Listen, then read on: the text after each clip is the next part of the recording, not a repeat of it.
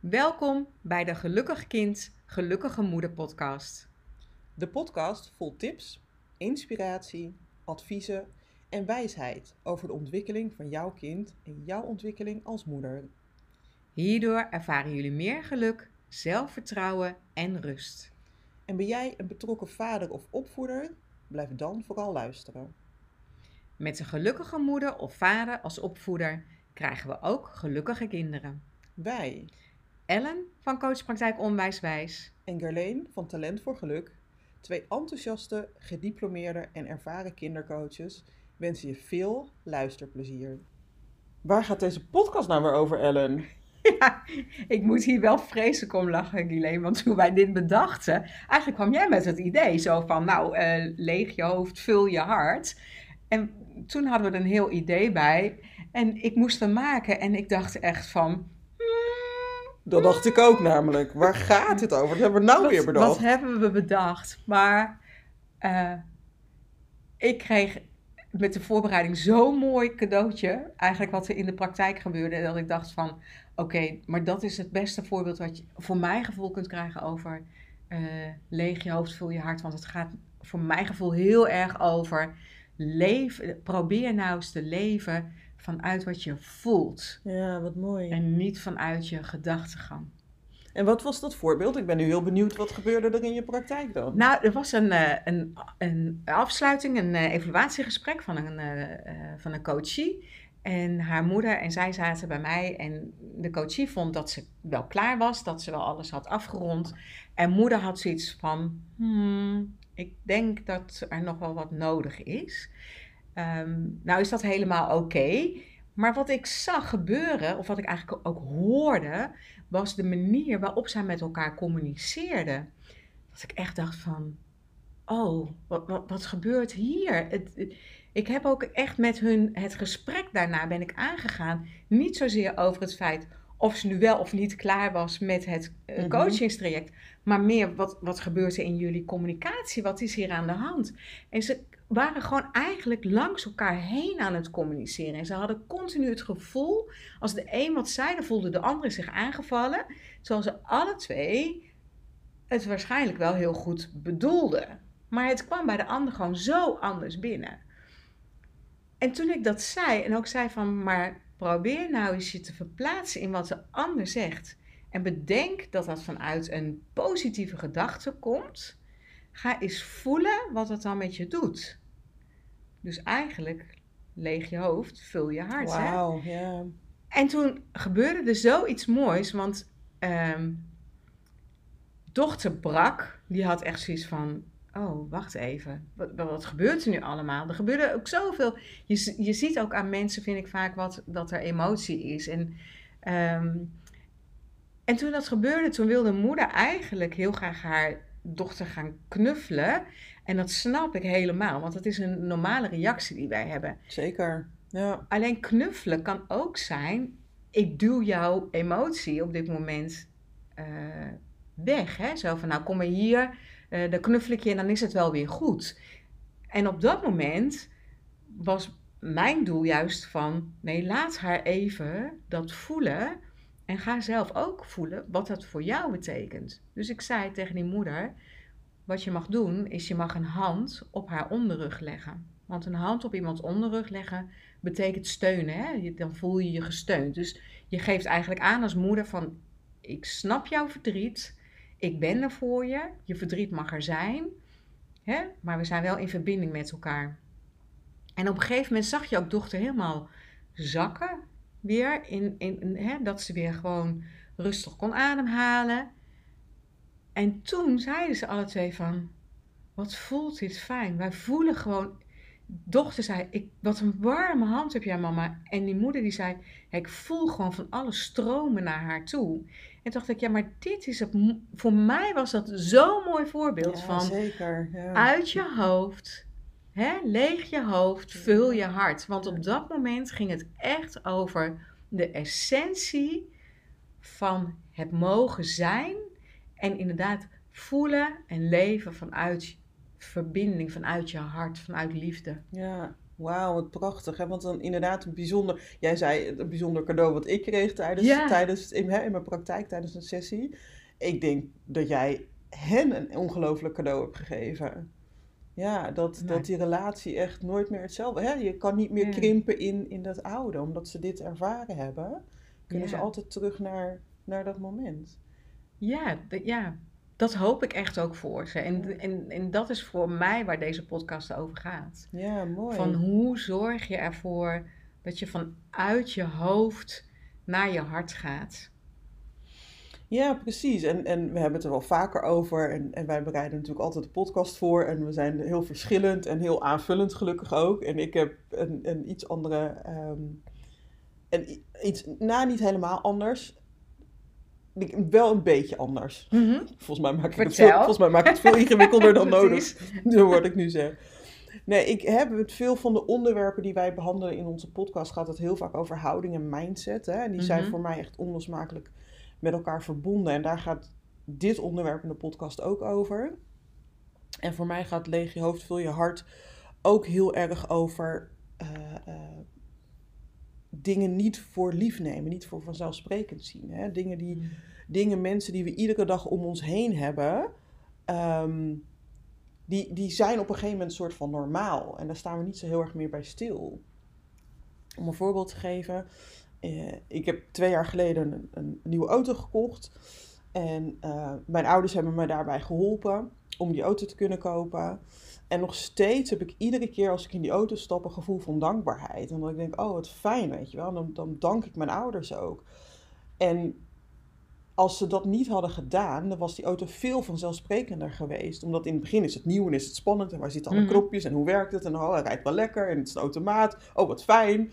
Ehm, maar ik, ik ben dus in staat om dat gevoel vast te houden. Om, om in te zien hoe bijzonder het eigenlijk is. En hoe niet vanzelfsprekend het is.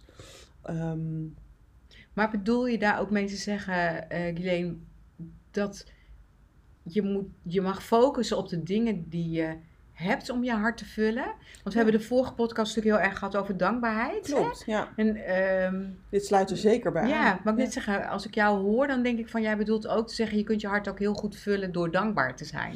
Ja, en stil te staan bij de dingen die eigenlijk bijzonderder zijn dan dat we, dan dat we ons soms zelf beseffen. En, maar ik sluit me ook heel erg aan bij wat je zegt over dat stukje eh, ratio en gevoel. Hè? Want wij zijn hier in de westerse wereld nogal geconditioneerd om, ons, op, om, om te varen op het, op het denken, op, op, op, op de ratio. Ehm, en het is, de ratio is heel belangrijk, het helpt ons in talloze dingen.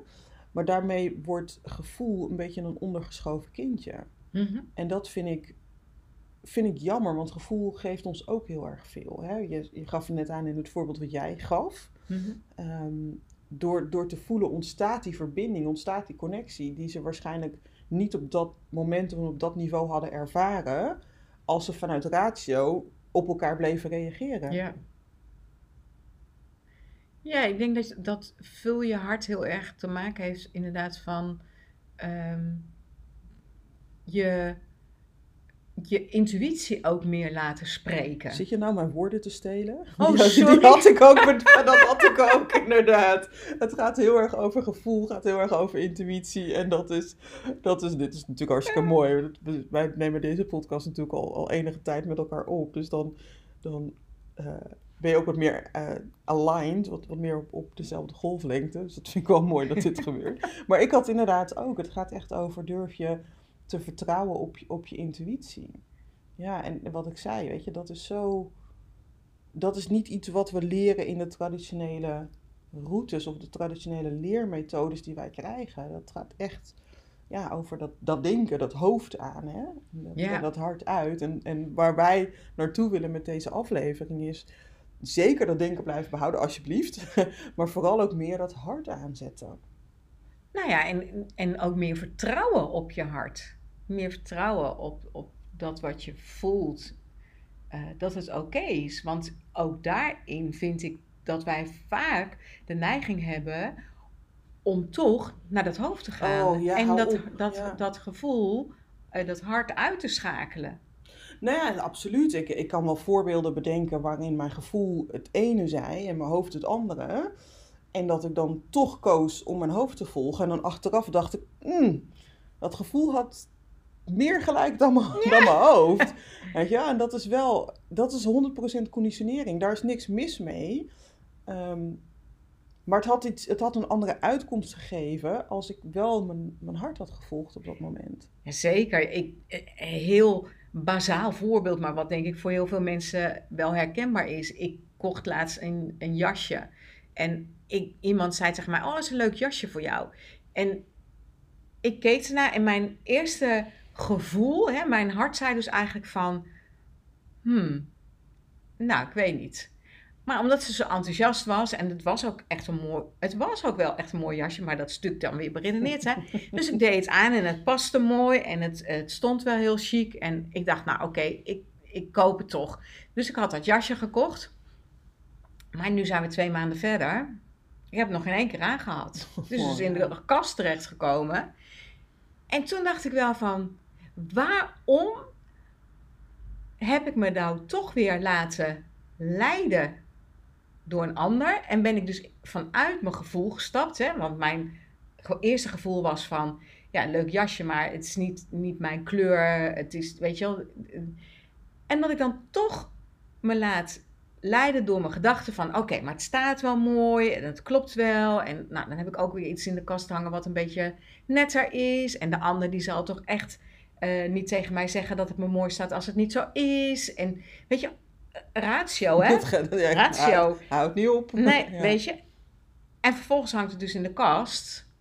En denk ik echt van, mm, Trek je wel volgende keer het jasje aan? Ik ben nu natuurlijk wel enorm nieuwsgierig naar je jasje. ik zal het aandoen de volgende keer. Heb ik goede reden om het toch te gaan dragen. Precies, want nou, an- anders Ja, hangt die werkloos in je kast. maar een beetje zonde. Ik, maar ik denk werkelijk waar dat, dat jij als luisteraar, ik, zeker ook ooit zou je iets overkomen. Dat je iets, in je, dat je iets gekocht hebt, in de kast hebt hangen, wat je nooit meer aandoet. En hoe komt dat? Omdat je eigenlijk afstapt vanuit je gevoel. En het vanuit je ratio gaat eh, beredeneren.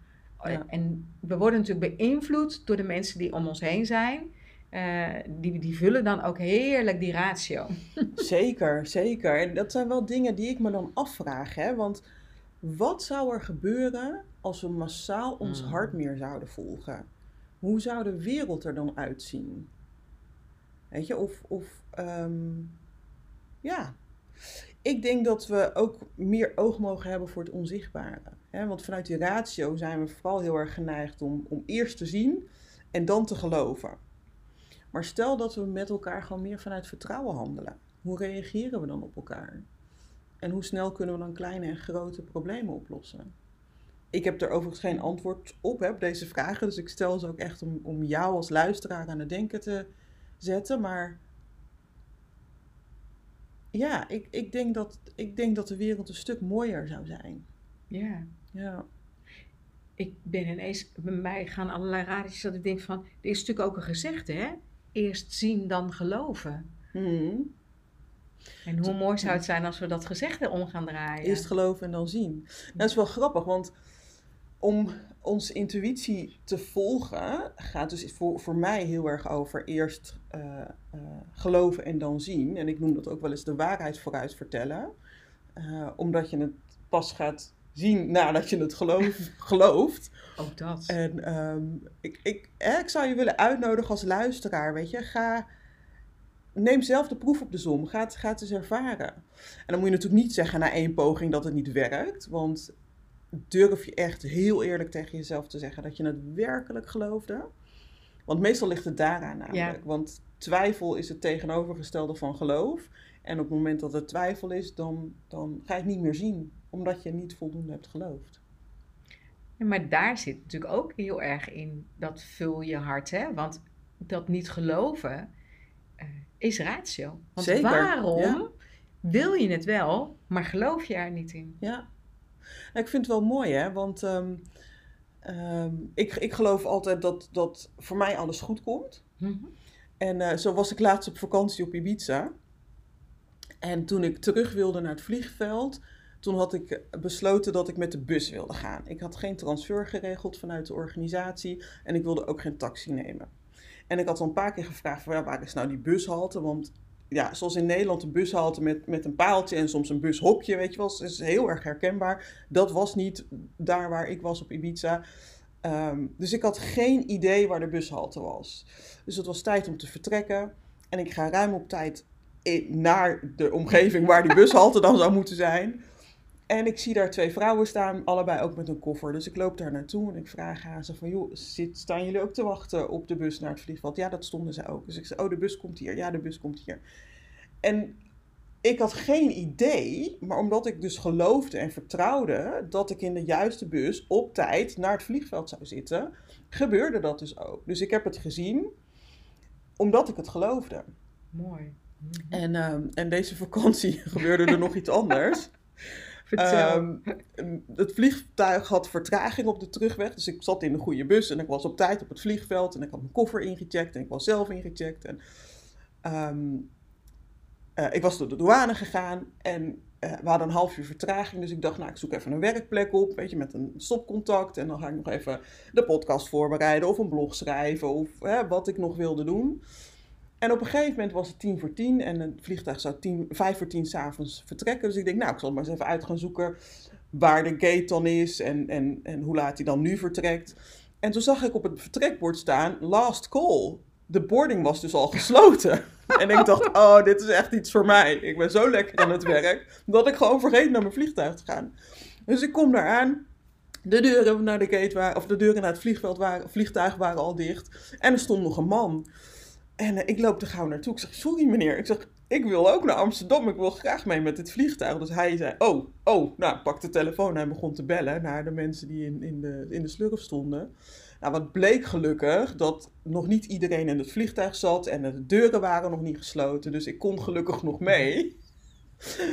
maar oh. ik, ik was er dus heilig van overtuigd dat ik meeging in dat vliegtuig naar Amsterdam. Ja.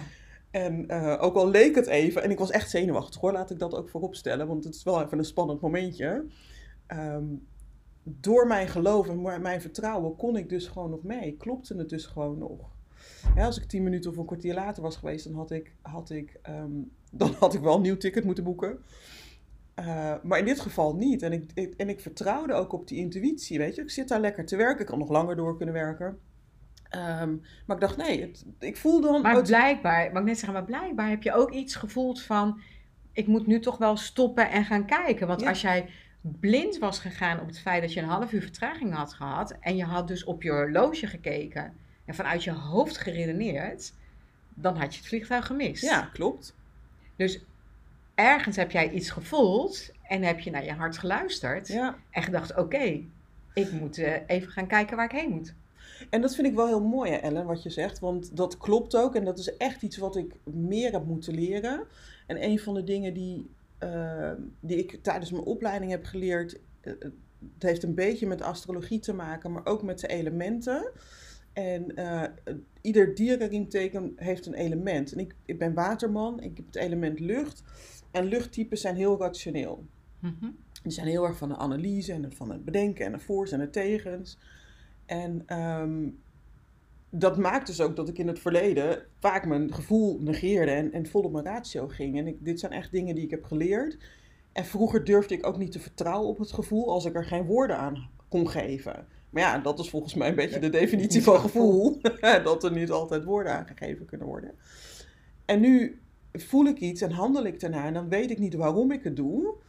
Maar ik durf wel te vertrouwen ik, op dat gevoel. Dat ik denk, ook oh, ga nu toch maar even kijken hoe het zit. Ja. Terwijl wat jij zegt inderdaad, als ik, als ik prat was gegaan op we hebben een half uur vertraging, ik kan over een kwartier nog wel gaan. Um, op dat stukje ratio, dan was het niet gebeurd. Nee. Mooi is dat, hoe dat dan werkt eigenlijk. Hè? Ja, dus als jij durft te vertrouwen op je gevoel en op je, ja, dat je dan ook dingen voorkomt eigenlijk. Ja, en dat je dan ook ja, ik wilde bijna zeggen de juiste keuzes maakt, maar dat is niet per definitie omdat je je gevoel volgt.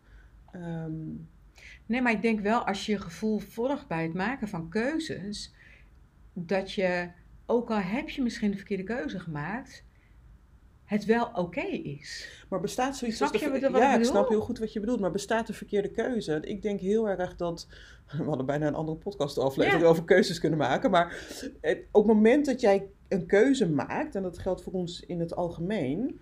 Dan maak je de keuze op basis van een juist gevoel of juiste argumenten, juiste ratio. En je kunt nooit alle gevolgen van je keuzes overzien. Dus op het moment dat je een keuze maakt en hij voelt goed of, of, of je vindt dat hij goed is, dan is het ook een goede keuze. Ja, ja dat, dat ben ik ook met je eens. En ja, Ja, dus leeg je hoofd, vul je hart. Het, eh, Nou, ik had, wat ik ook wel heel mooi vind in deze, ehm, is dat wat jij in het begin, of ergens in het midden zei van, hoe zou de wereld eruit zien als wij veel meer vanuit ons hart allemaal gaan leven? Hè? Ehm, ik denk dat er ook veel meer begrip voor elkaar Ja, is. absoluut. Want ik had laatst een ouder bij mij zitten. ehm, en die, zegt, die zei tegen mij: Ik moet iedere keer maar eh, verantwoorden, dus op rationeel niveau, waarom ik gescheiden ben. En zij zegt: Ja, weet je, alles in mij ehm, zei toen: Dit is het beste wat je kan doen. Ze zegt: Ik heb het ook gedaan. Ehm, weet je, ze, ze zijn ook gewoon nog steeds on speaking terms met elkaar hoor. Dus het is ook, het is helemaal geen, geen vechtscheiding geworden. Ik denk juist ook omdat ze het zo vanuit haar gevoel heeft kunnen doen. En ook weet van ja, maar het blijft ook altijd de vader van onze kinderen. En, ehm, maar zij zegt ook, ik moet me altijd verantwoorden op, ja, op rationeel niveau. En mensen willen soms gewoon niet snappen of begrijpen eh, dat je een dergelijke keuze maakt. En ik denk dan inderdaad, als we allemaal veel meer vanuit het gevoel gaan leven. En je hoort iemand zeggen, ja, ik ben gescheiden. Dat je er dan dus ook niet meteen een oordeel over hebt. Maar veel meer denkt van, goh, eh, hoe, hoe was dat voor je? In plaats van meteen te zeggen, ja, maar dat is toch zielig voor je kinderen. En de kinderen zijn altijd de dupe van een scheiding. En dan denk ik, dat, dat is zo hard en zo vanuit je, eh, ja, vanuit je hoofd en niet vanuit je hart. Ik vind het heel mooi wat je zegt, want wat ik, wat ik erin hoor is, gaat ook heel erg over vertrouwen op de wijsheid van een ander. Ja, Ja, want er zit, er zit vaak nog wel wat wantrouwen in. Hè? En er wordt ook wel eens gezegd, we beoordelen ehm, een ander op, op zijn acties en onszelf op, op onze intenties. Mhm. Ehm, maar, ver- maar vertrouw op de wijsheid van een ander. Weet je, dat, dat de ander het beste doet wat hij op dat moment kan doen. ja. En ik ben ook wel benieuwd, wat zou jij aan eh, de luisteraar als tip mee willen geven van een heel klein iets, zeg maar, om eigenlijk al te oefenen om meer vanuit je hart te gaan leven? Ik overval je daar waarschijnlijk een beetje mee, maar... Nee, ik vind het een Jij- prachtige vraag uiteraard. En, en alle radartjes gaan er volop aan als je die vraag stelt. Ehm, en ik... Ik wilde, ja... Ik wilde bijna zeggen... Doe, doe het maar gewoon. En dat klinkt heel flauw. Ik heb ooit in een training gezeten en er werden de dingen van mij gevraagd. En, en mijn, mijn overanalytische brein en mijn zeer goed ontwikkelde ratio dacht, ja, maar hoe moet ik dat dan doen? Hoe moet ik dat dan doen? Hoe moet ik dat dan doen? Weet je wel? Ja, en als je daarin vastzit, dan gaat het niet gebeuren. En op een gegeven moment besloot ik van, nou, ik ga het maar doen. En ik Mhm. wist niet hoe, maar ik deed het wel. Mhm. En dat ik vervolgens de feedback kreeg van, ja, dat deed je echt fantastisch. Weet je, terwijl, terwijl ze zagen het ook aan mij als ik, als ik in mijn hoofd zat en het helemaal precies goed probeerde te doen. ehm, dan gaat die, die flow en die natuurlijkheid eruit. Dus ik, ik hoop echt dat je hier iets mee kan. Ehm, de valkuil is, hoe moet ik het doen? En het antwoord is, doe het maar gewoon. Ja, en, En- eh, aanvullend daarop is als, eh, wat mij nu te binnen schiet, is als je eh, als ouder wil dat je kind meer gaat voelen, is vaak beweging ook heel goed. Hè? Ga lekker wandelen Ja, met elkaar.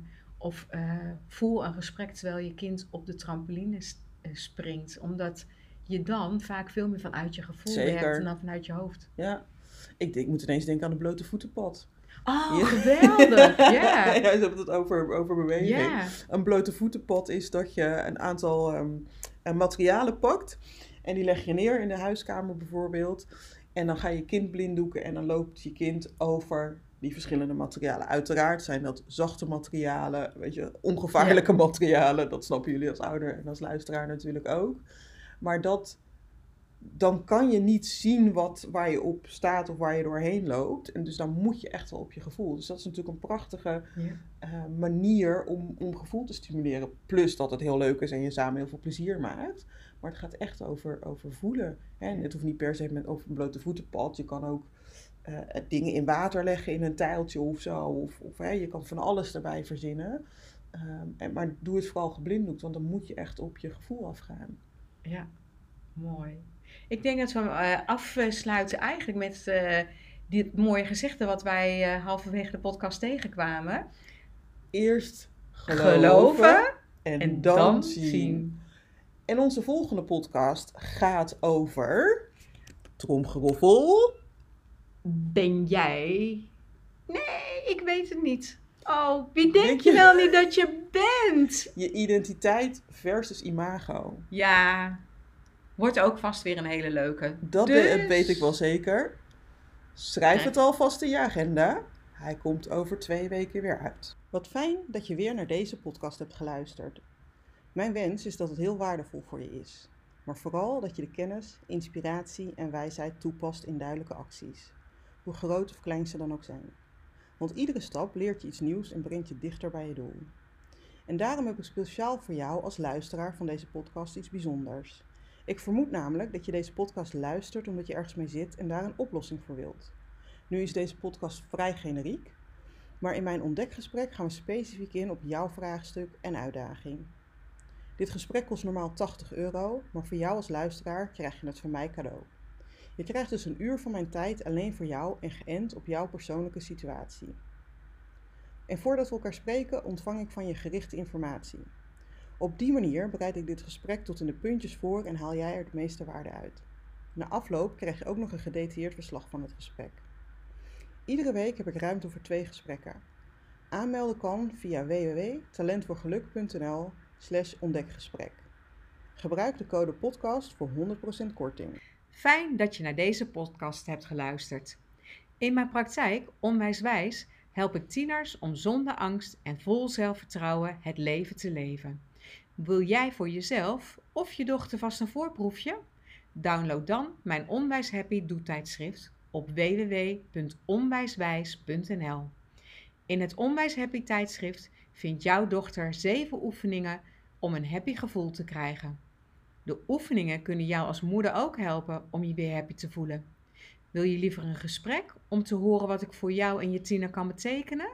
Maak dan kennis met mij tijdens een kosteloos kennismakingsgesprek. Hiervoor kun je je aanmelden via mijn website